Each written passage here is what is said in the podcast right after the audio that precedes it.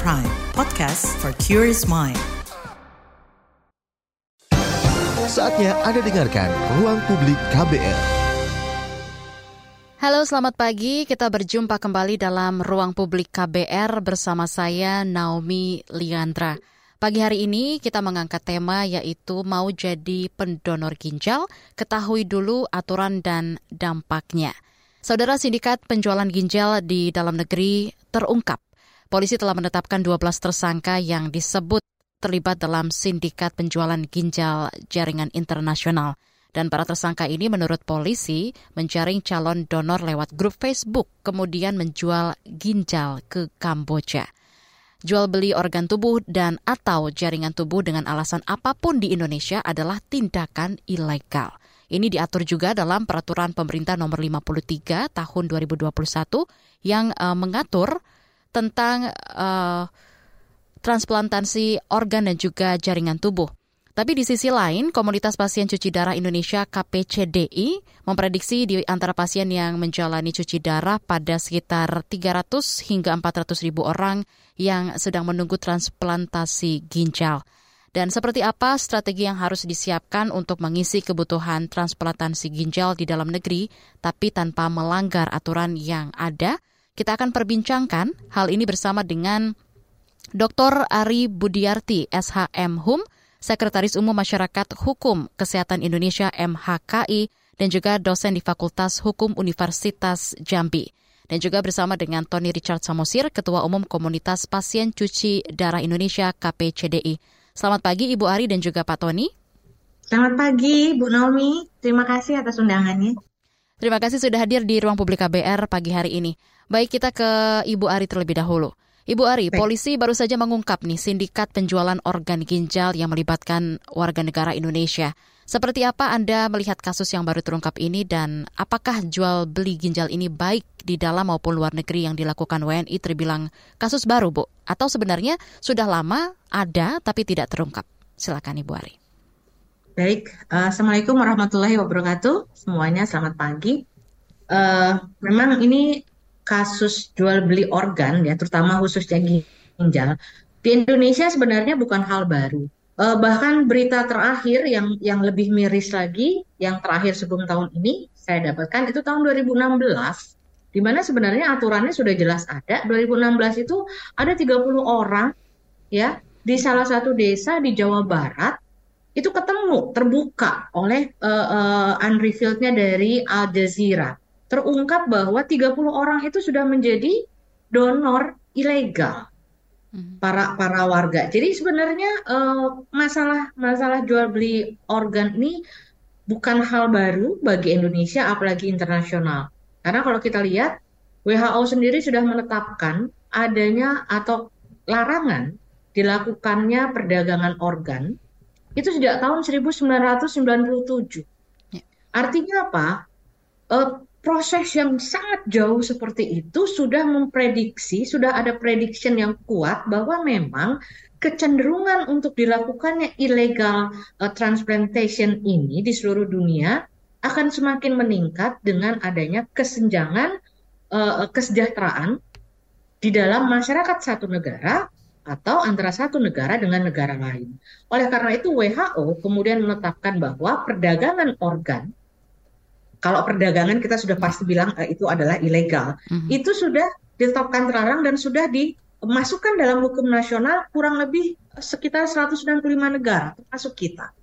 Nah, jadi artinya bahwa uh, di kita dan di luar itu sebenarnya bukan hal yang aneh, bukan hal yang baru. Hmm. Hanya kemudian terungkapnya kebetulan saja yang sekarang ini pertama kita sudah as, uh, aspek uh, media sosial sudah demikian besar, sudah demikian luas. Kemudian yang kedua melibatkan oknum-oknum yang memang mempunyai posisi uh, uh, strategis dalam satu sistem. Karena kan kita tahu itu yang terciduk adalah orang imigrasi, kemudian ada anggota kepolisian sendiri dan sebagainya. Uh, jadi menurut pendapat saya ini sebenarnya tindak pidana ini sudah menjadi sesuatu yang sangat krusial secara global. Baik, Bu. Lalu dengan adanya kasus ini, masyarakat kan jadi makin tahu ya bahwa kita punya peraturan pemerintah nomor 53 tahun 2021 yang mengatur mengenai transplantasi organ dan juga jaringan tubuh. Apakah ini ya. sudah cukup jelas bagi para pelaksana di lapangan?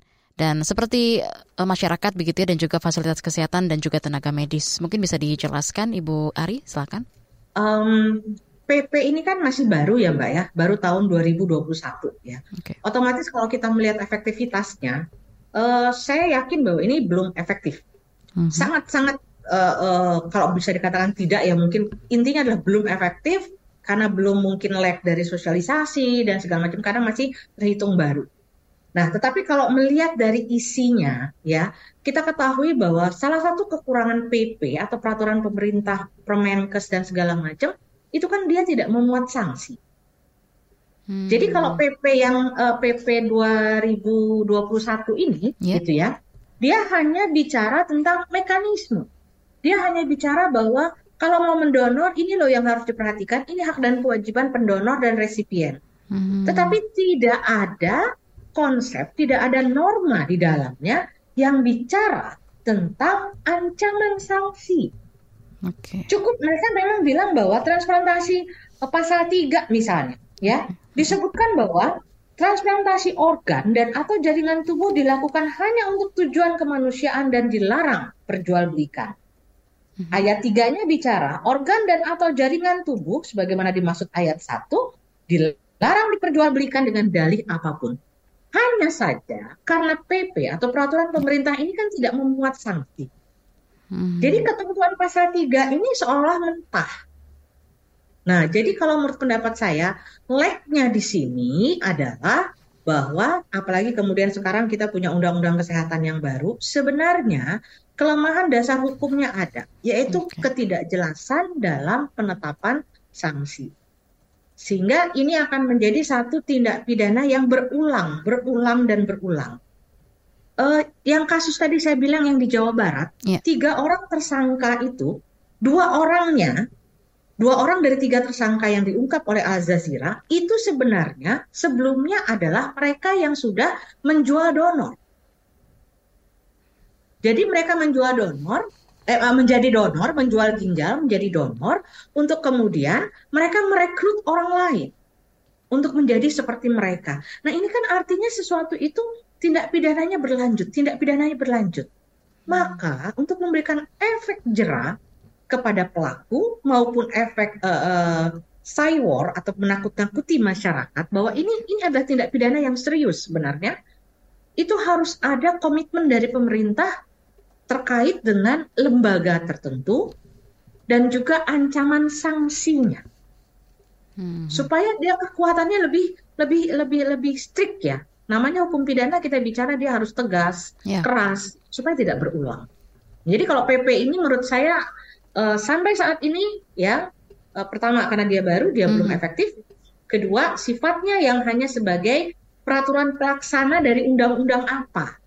Okay. Ini kan disebutkan hanya dari undang-undang kesehatan yang lama. Dalam uh, konsiderannya dia hanya menyebutkan Undang-Undang Dasar 45 dan Undang-Undang Nomor 36 tahun 2009. Undang-Undang Kesehatan 2009 sendiri ketika menyebutkan sanksi di dalam pasal 192 kalau tidak salah, ya. Itu kan hanya menyebutkan bahwa siapa saja yang melakukan dengan sengaja memperjualbelikan organ atau jaringan tubuh dengan dalih apa pun diancam pidana maksimal 10 tahun penjara dan denda maksimal 1 miliar rupiah. Tetapi Baik. konsep siapa yang menjual, siapa pelaku ini masih api. Okay. Nah, ini ini yang kemudian ingin nanti kita pertegas. Oke. Okay. Baik, polanya jadi sama juga ya dengan kasus saat ini pendonor jadi perekrut. Nah, kalau dari ya. sisi anggota komunitas pasien cuci darah Indonesia sendiri nih, uh, Pak Tony, seperti apa pengetahuan para anggota soal peraturan pemerintah yang mengatur transplantasi organ dan juga jaringan tubuh ini, Pak? Silakan. Ya, saya kira begini ya. Kalau dari kacamata pasien, perspektifnya adalah siapa pun orang, mm -hmm. ketika dia didiagnosa mengalami penyakit ginjal kronik, ya. Dia akan berjuang dan berusaha untuk sembuh. Begitu ya. Satu-satunya jalan untuk sembuh adalah bukan sembuh ya. Untuk pulih kesehatannya hmm. kualitas hidupnya meningkat selayaknya orang sehat hanya dengan hanya dengan melakukan transplantasi ginjal. Ini ada supply and demand. Ya. Ya. Terlepas dari komersialisasinya. Siapa pun itu orangnya, baik okay. itu penegak hukum maupun sampai yang di bawahnya, baik itu pejabat pejabat publik sampai dengan di bawahnya, akan ingin dan berharap dan memimpikan untuk melakukan transplantasi organ. Mm-hmm. Ketika orang udah di ujung tanduk kehidupannya, mm-hmm. maka dia akan mencari yang legal dan yang ilegal. Ini masalah hidup mati. Tidak mudah menjadi seorang yang besok harus mati dan sekarang dia harus berjuang agar dia bisa menyelamatkan hidupnya. Begitu ya. Okay. Nah, ketika seorang mengalami gagal ginjal kronik, dia harus menjalani terapi cuci darah seumur hidupnya. Terapi cuci darah ini tergantung dengan mesin cuci darah. Mesinnya kita ambil, dia mati. Jadi orang ini sebenarnya hidup, juga nggak dibilang hidup. Yeah. Ya, mati juga tidak dibilang mati. Jadi ketika ada donor yang ingin mendonasikan ginjalnya, ya, maka dia akan hidup. Sama seperti saya. Saya ini melakukan transplantasi ginjal sejak tahun 2016. Saya gagal ginjal sejak tahun 2009. Ya. Betapa matinya saya ketika 2009 sampai dengan 2016. Hmm. Ketika 2016 saya melakukan transplantasi, saya hidup kembali. Saya diberikan oleh Tuhan hidup satu kali ya dengan transplantasi organ. Jadi apa yang salah? Ini kan terus berulang. Tadi udah Ya. Uh, Bu Ari sudah menjelaskan. Ini aspeknya kan berulang. Ya kalau berulang itu udah nggak heran. Ya. Tahun 2009 ada Undang-Undang Kesehatan diamanatkan di sana kepada pemerintah untuk membentuk peraturan pemerintah di bawahnya. Tapi baru jadi itu 2021, lama ya. Okay. Ya. Um di Indonesia itu memang saya nggak ngerti ya. Uh, apa namanya? Lama sekali untuk membuat uh, untuk melaksanakan uh, perintah undang-undang gitu ya. Hmm. Dan akhirnya kejadian seperti ini. Jadi kita sudah tidak heran lagi ketika terjadi uh, tindak pidana perdagangan orang, lokus deliktinya kan yang ada di sana ya, sehingga ditetapkan uh, perda, apa namanya uh, uh, tindak pidana perdagangan orang karena kalau unsur kesehatannya nggak nggak bisa hmm. karena hmm. kesehatannya diambil ginjalnya di sana gitu bukan di Indonesia. Yeah. Tapi meskipun demikian kejadian di Indonesia itu terus berulang begitu. Ya. Lalu apa solusinya bagi bagi bagi pemerintah? Ini pasien ini 300 400 ribu bahkan data Kementerian Kesehatan itu prevalensinya sampai 700 ribu loh pasiennya dan ini membutuhkan transplantasi organ ginjal utamanya. Nah, untuk itu memang harus dibuat lembaga hukum. Payung hukumnya sudah ada. Misalnya PP-nya. PP PP eh, apa namanya? 53 tahun 2001 tentang transplantasi organ dan jaringan tubuh kan di pasal 26 kan dikatakan bahwa setiap pendonor ya yang melakukan transplantasi organ mendapat penghargaan loh. Hmm. Ya, ya, penghargaan. Artinya apa? Ya, bahwa pemerintah juga sebenarnya sudah apa namanya menjadi wasit ya memberikan jembatan antara pendonor dan resipien ini. Saya mau tanya, ketika Palang Merah Indonesia (PMI) kita hilangkan, kira-kira orang yang mendonorkan darahnya ini ke mana? Hmm. Ini bakal banyak komersialisasi darah kan?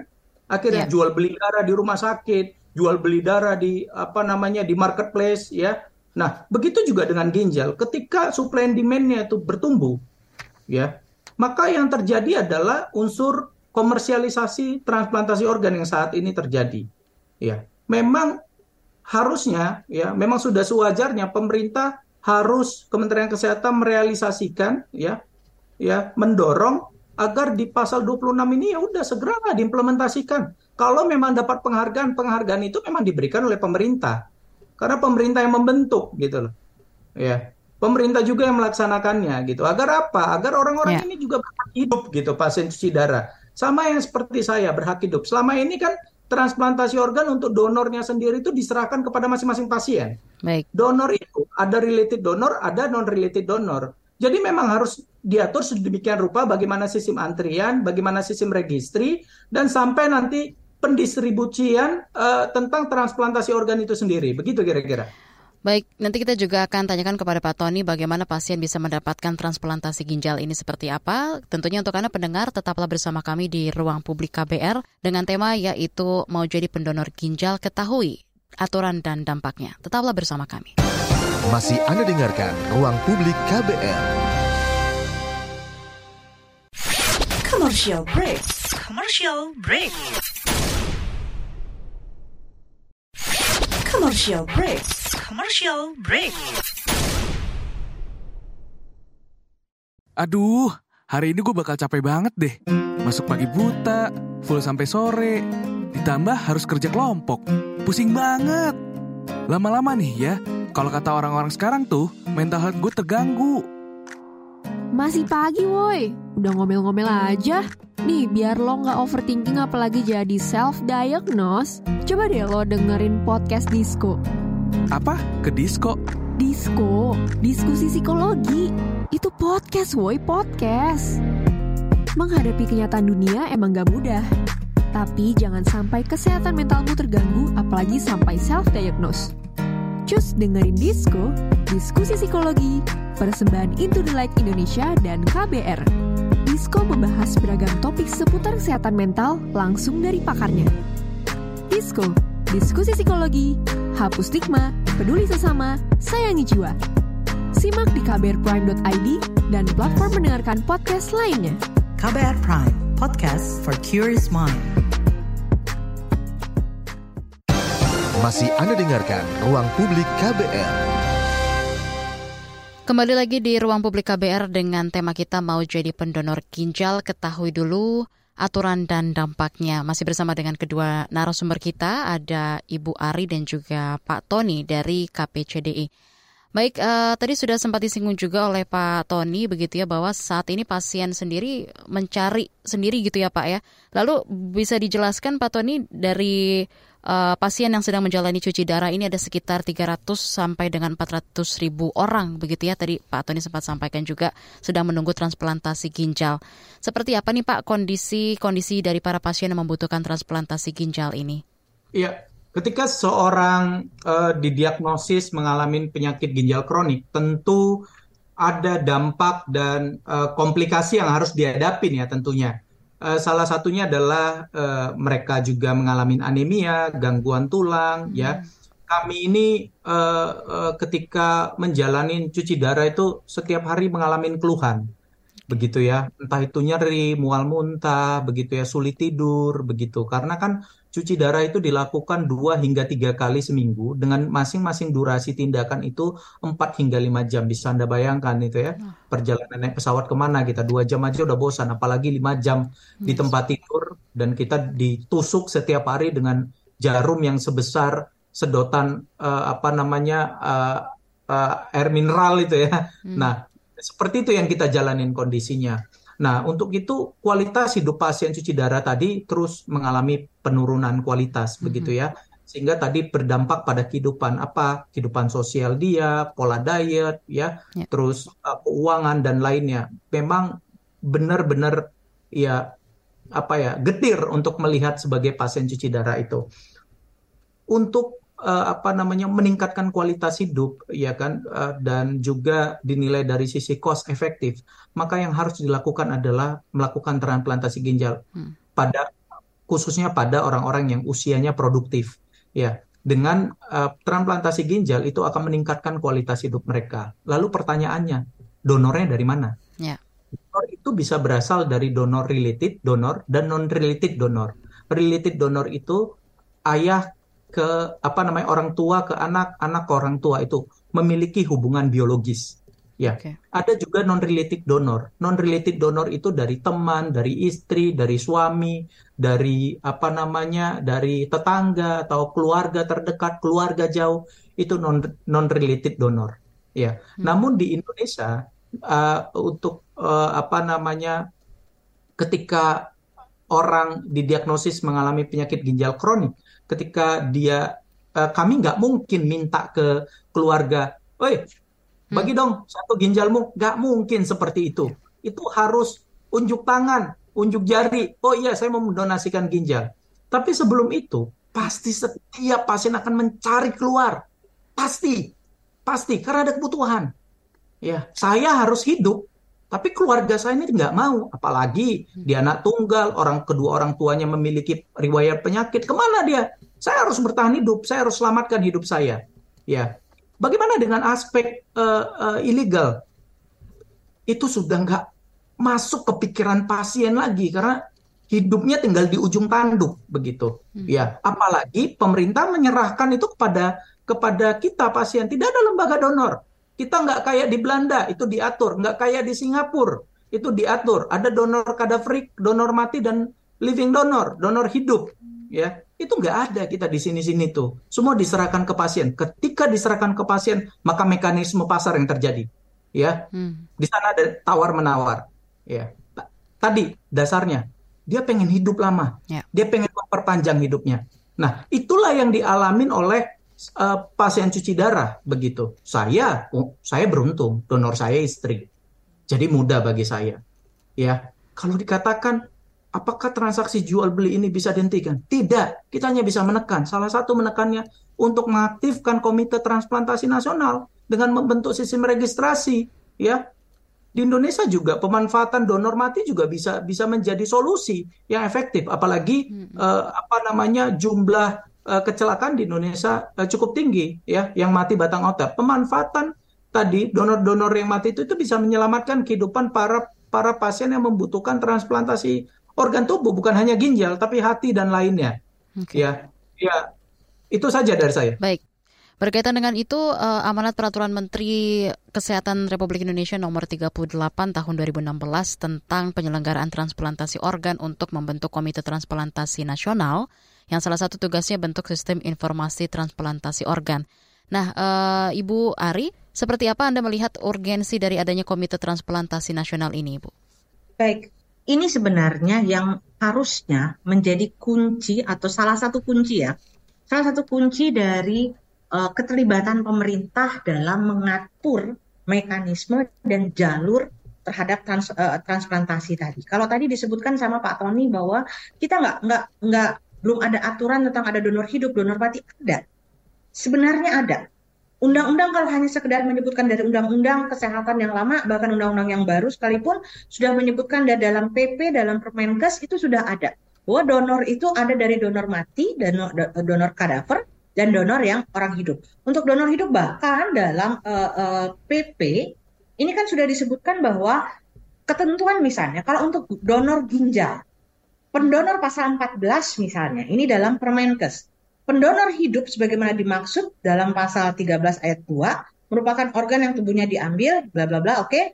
Pendonor hidup sebagaimana dimaksud pada ayat 1 memberikan hanya salah satu ginjal dari kedua ginjalnya dan atau sebagian hanya sebagian organ hati, pankreas atau paru-parunya. Kemudian ada diatur lagi bagaimana donor dari uh, dari pasien yang sudah mati batang otak. Hanya sekarang lagnya kita tadi adalah bahwa ketika amanat untuk membentuk Komite Nasional Transplantasi ini belum jalan, sehingga mekanismenya uh, undang-undangnya ada, induknya ada, tapi lembaga tadi ya. yang saya bilang, lembaga di bawahnya yang mengatur, mengawasi, gitu kan? Ini nggak ada, maka balik-baliknya adalah ke pasar. Sehingga kalau tadi menyikapi uh, peraturan Menteri Kesehatan nomor nomor 38 tahun 2016, kuncinya di situ adalah pembentukan Komite Nasional Transplantasi gitu. Ini harus clear, harus jelas. Kita bisa berkaca dari misalnya salah satu negara yang punya uh, culture yang hampir sama dengan kita, India. Dari uh, literatur yang saya baca, dari informasi yang saya baca, India, kasus terakhir India itu adalah bahwa India merupakan salah satu uh, uh, negara yang paling banyak melakukan perdagangan uh, organ ginjal dan sasarannya adalah masyarakat Nepal. Bahkan di Nepal ada yang namanya uh, kidney valleys. Nah ini untuk mencegah seperti ini India sudah membentuk lembaganya. Saya nggak tahu karena saya tidak tidak sampai melakukan riset ke sana gitu ya. Apakah ini efektif atau tidak? Tetapi paling tidak sudah ada payungnya.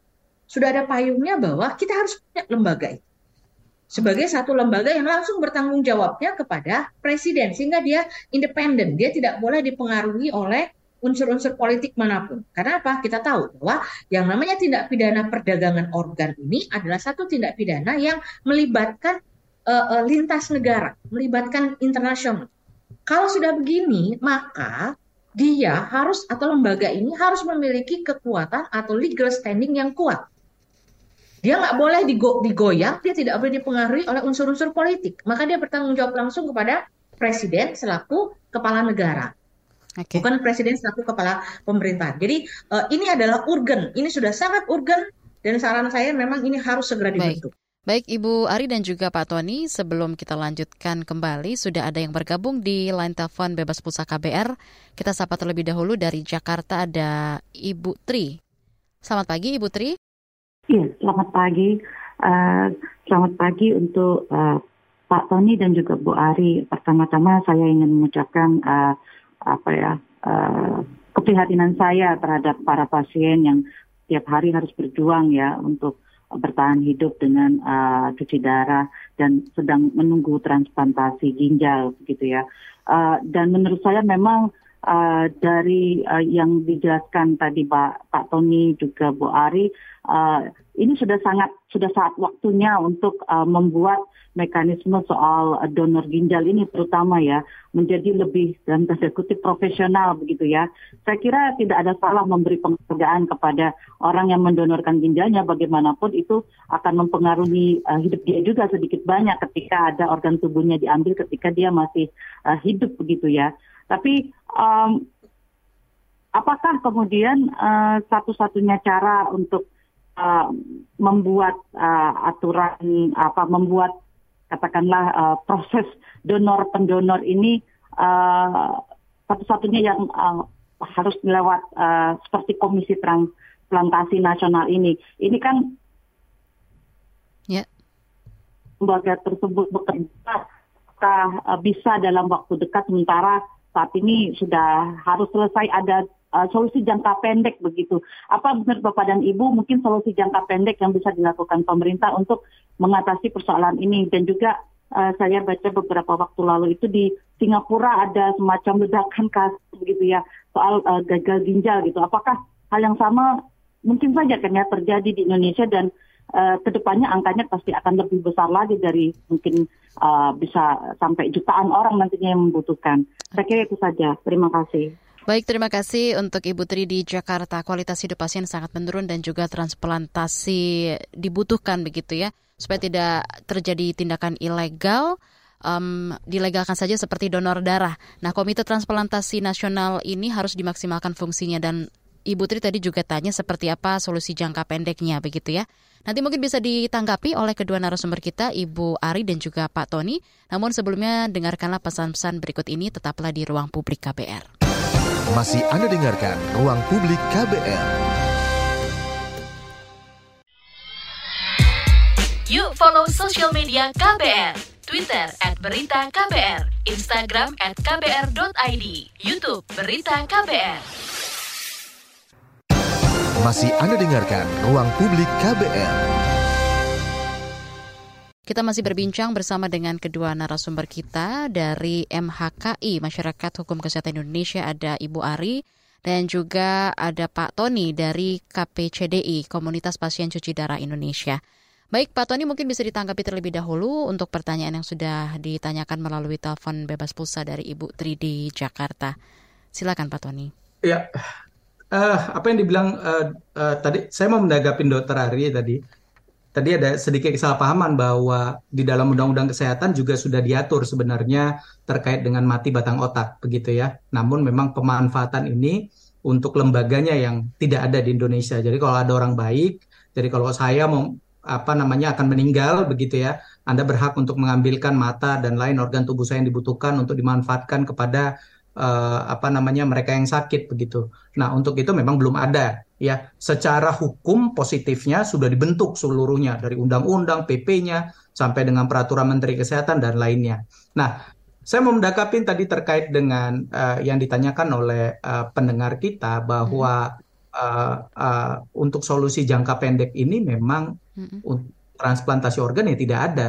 Pemerintah harus bekerja melalui Komite Transplant Nasional begitu kan. Komite ini kan sudah dibentuk tahun 2016 ya.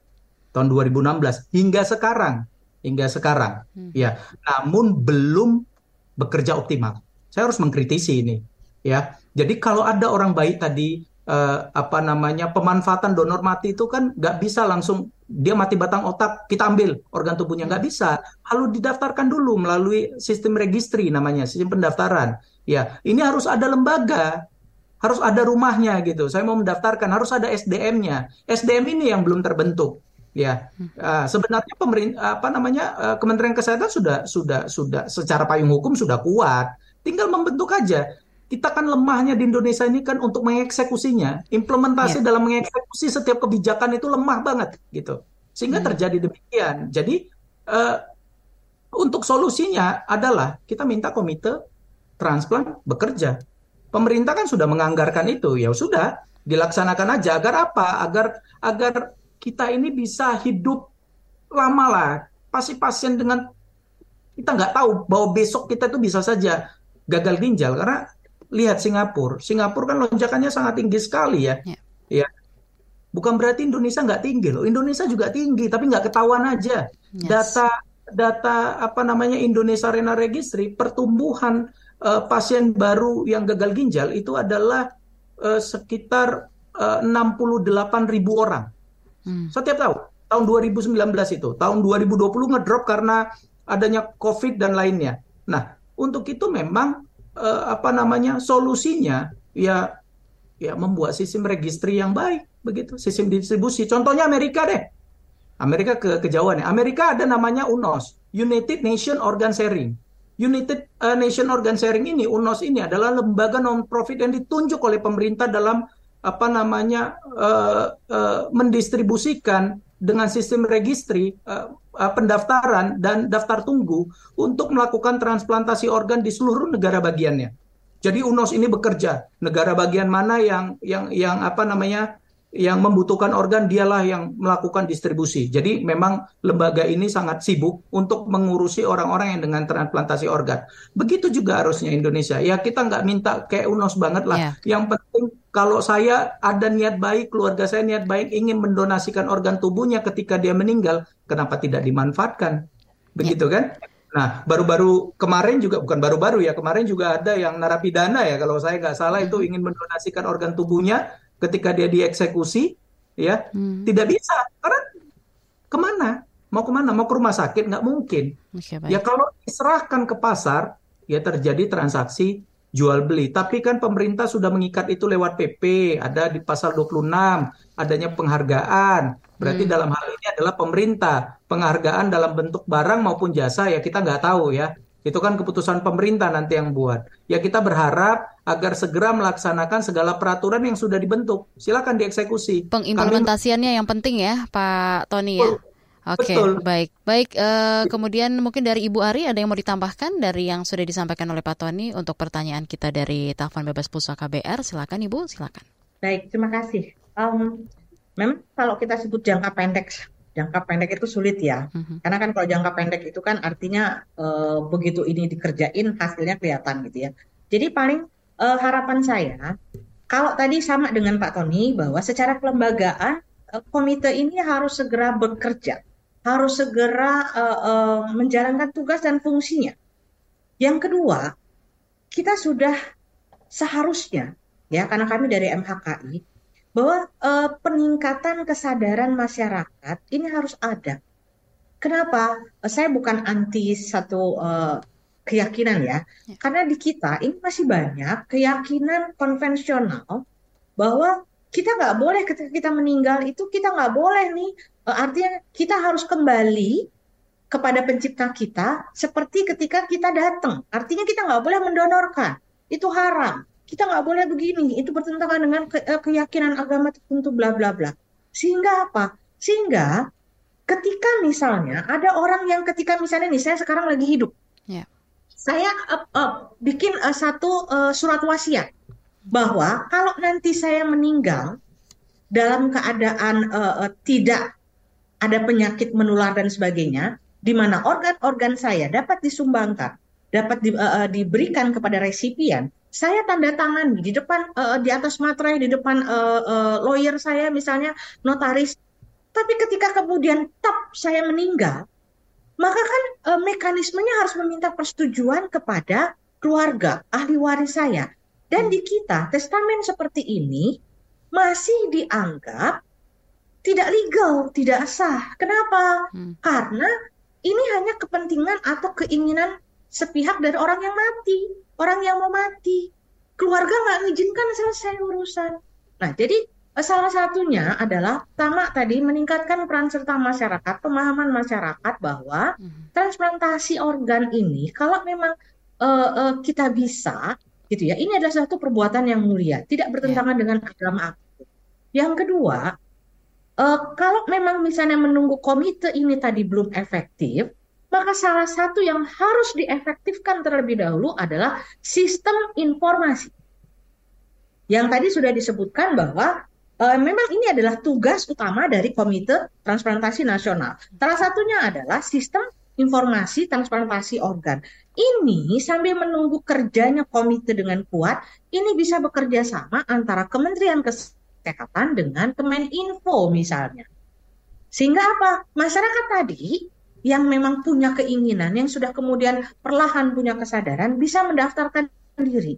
Begitu juga mereka para resipien bisa melihat hanya hmm. harus yang namanya dicegah, jangan sampai informasi misalnya ini karena saya tadi yeah. sudah mendaftarkan diri, kemudian bocor, akhirnya ada orang-orang tertentu yang yang sengaja mau ngebunuh saya untuk dapetin misalnya gitu kan. Mm-hmm. Nah, artinya tetap kerahasiaan privacy itu tetap harus dijaga. Jadi dua konsep yang ingin saya kedepankan, satu sosialisasi kepada masyarakat dan yang kedua adalah uh, penguatan sistem informasi transplantasi organ melalui kementerian-kementerian yang sekarang sudah ada. Itu saja dari okay. saya. Terima kasih. Baik, Ibu Ari dan juga Pak Tony, kita kembali bacakan beberapa WhatsApp yang sudah masuk. Yang pertama dari Lombok ada Ibu Yuli. Uh, jadi kalau ada yang ingin donor ginjal itu harus ke mana ya, terutama yang legal. Kemudian dari Jakarta ada Ibu Salsa. Untuk pasien yang ingin transplantasi ginjal atau organ lainnya, apakah harus ada kecocokan dengan organ yang didonorkan? Kalau tidak cocok, apa ada efeknya? Bisa ditanggapi terlebih dahulu oleh Pak Tony. Silakan Pak Tony.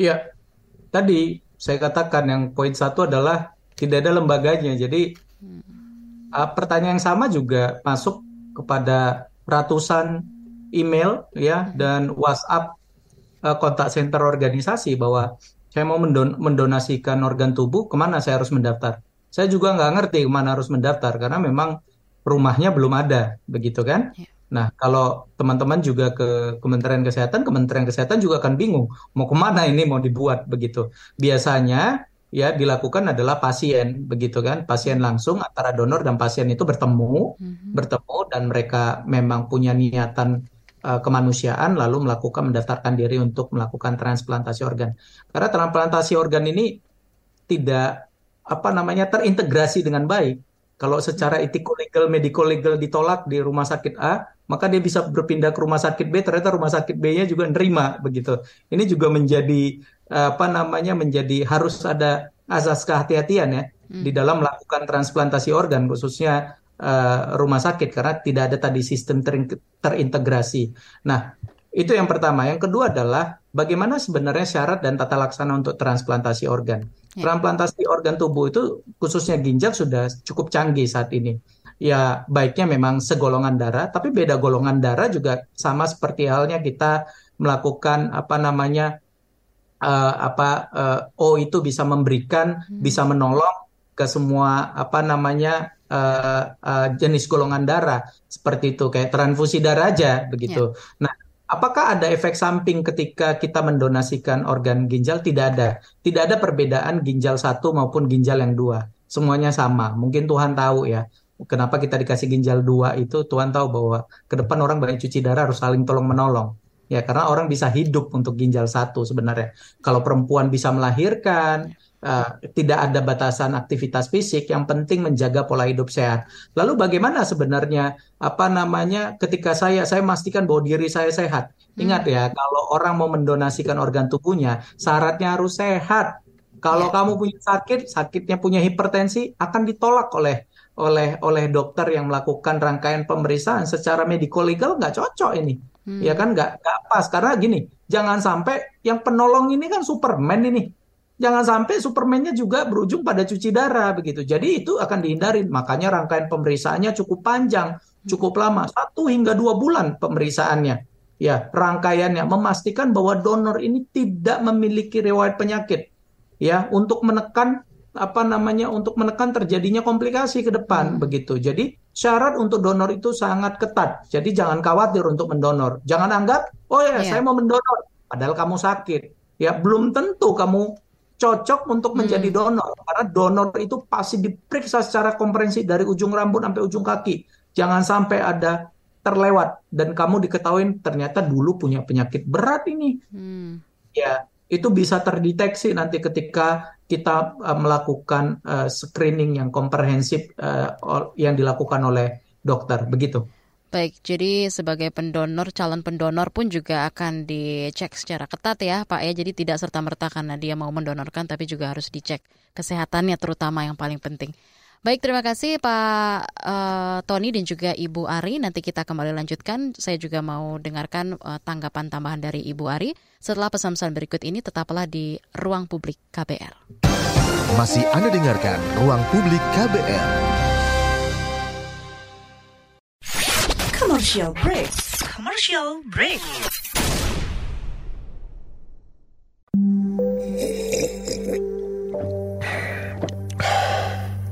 Yakin, cukup teh doang.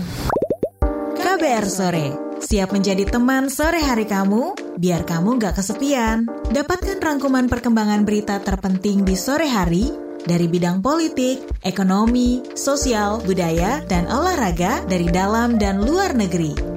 Simak KBR Sore setiap hari Senin sampai Jumat mulai pukul 16 di radio jaringan KBR seluruh Indonesia dan di kbrprime.id search KBR Sore. Masih Anda dengarkan Ruang Publik KBR.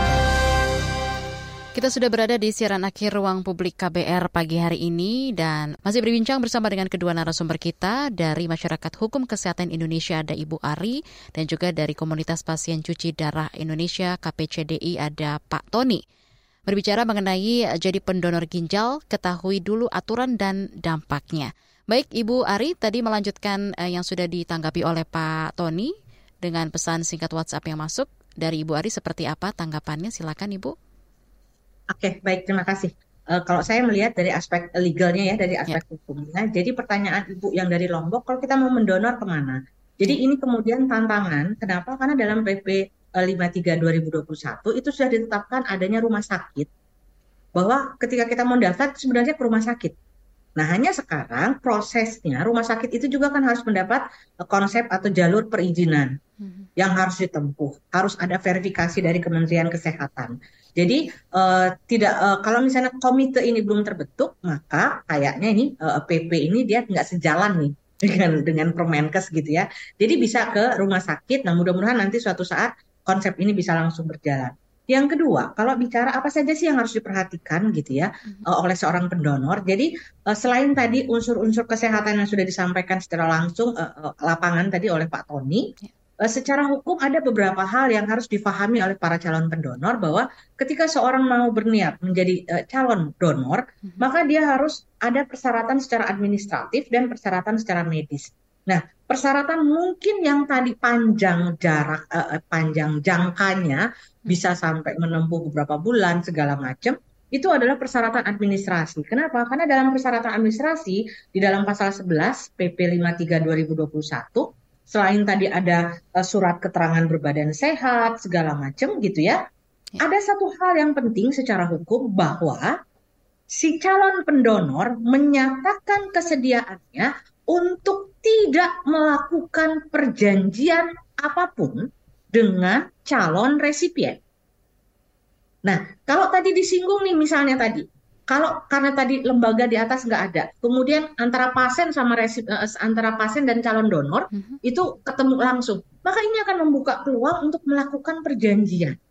Okay. Nah, padahal ini adalah kunci dari konsep ilegal dan legalnya.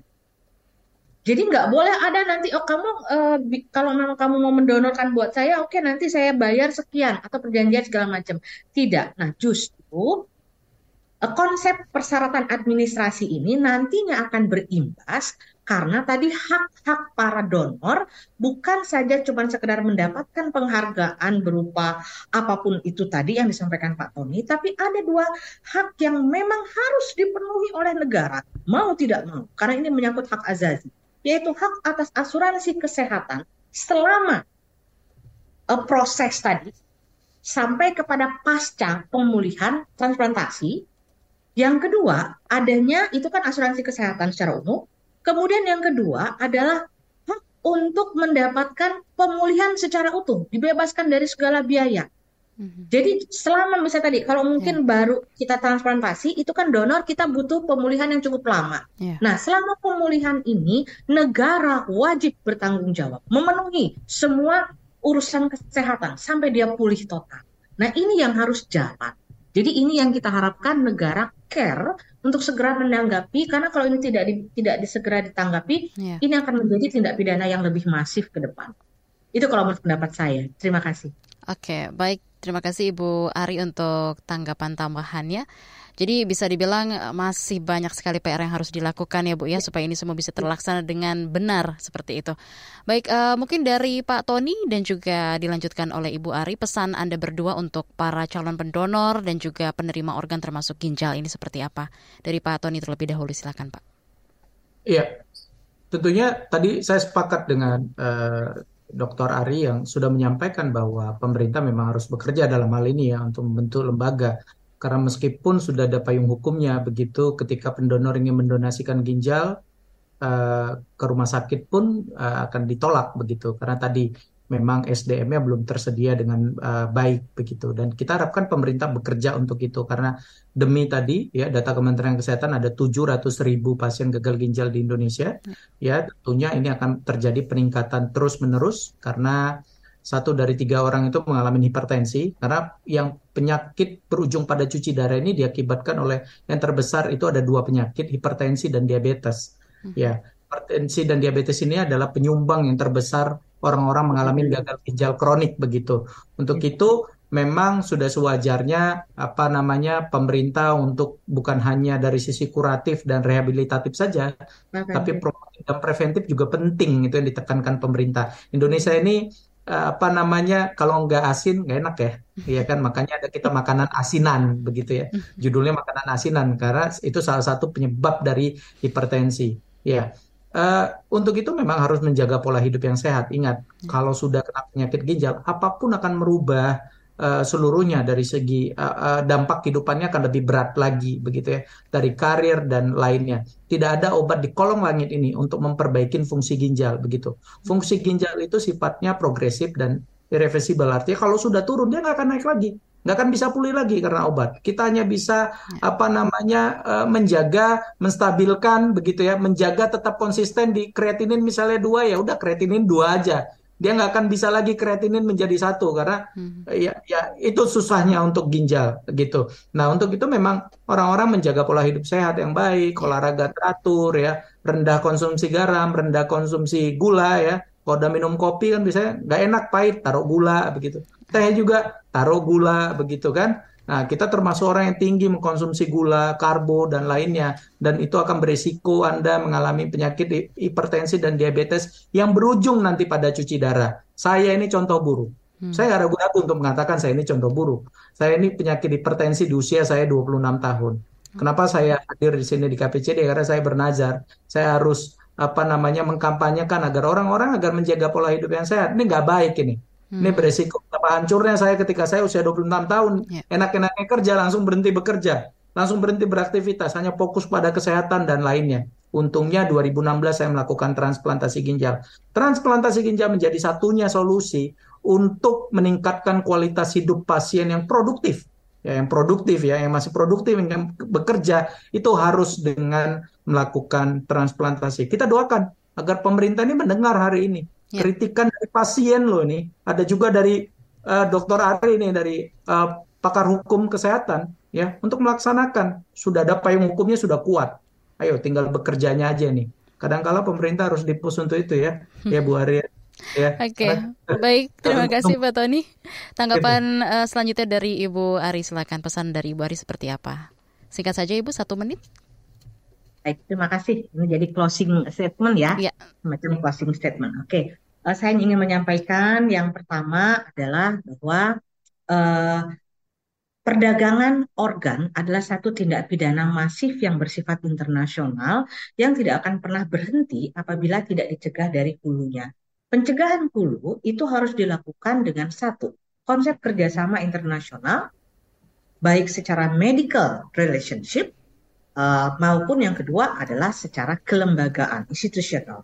Yang kedua adalah harus adanya peningkatan sosialisasi kepada masyarakat akan arti sadar hidup sehat mhm. dan eh, nilai-nilai uh, positif dari menjadi uh, donor uh, organ.